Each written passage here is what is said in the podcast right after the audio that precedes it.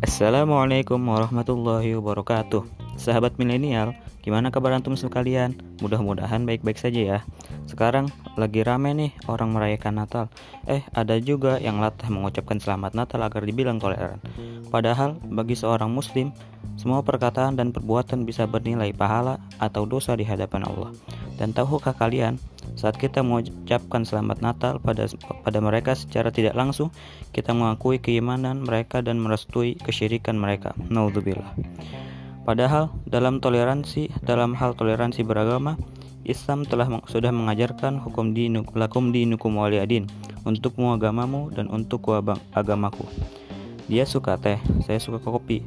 Gak perlu kan teh dicampur kopi biar dibilang toleran. Masing-masing aja. Kamu menikmati teh, saya menikmati kopi. Hmm, mantap. Cukup sekian yang dapat saya sampaikan. Assalamualaikum warahmatullahi wabarakatuh.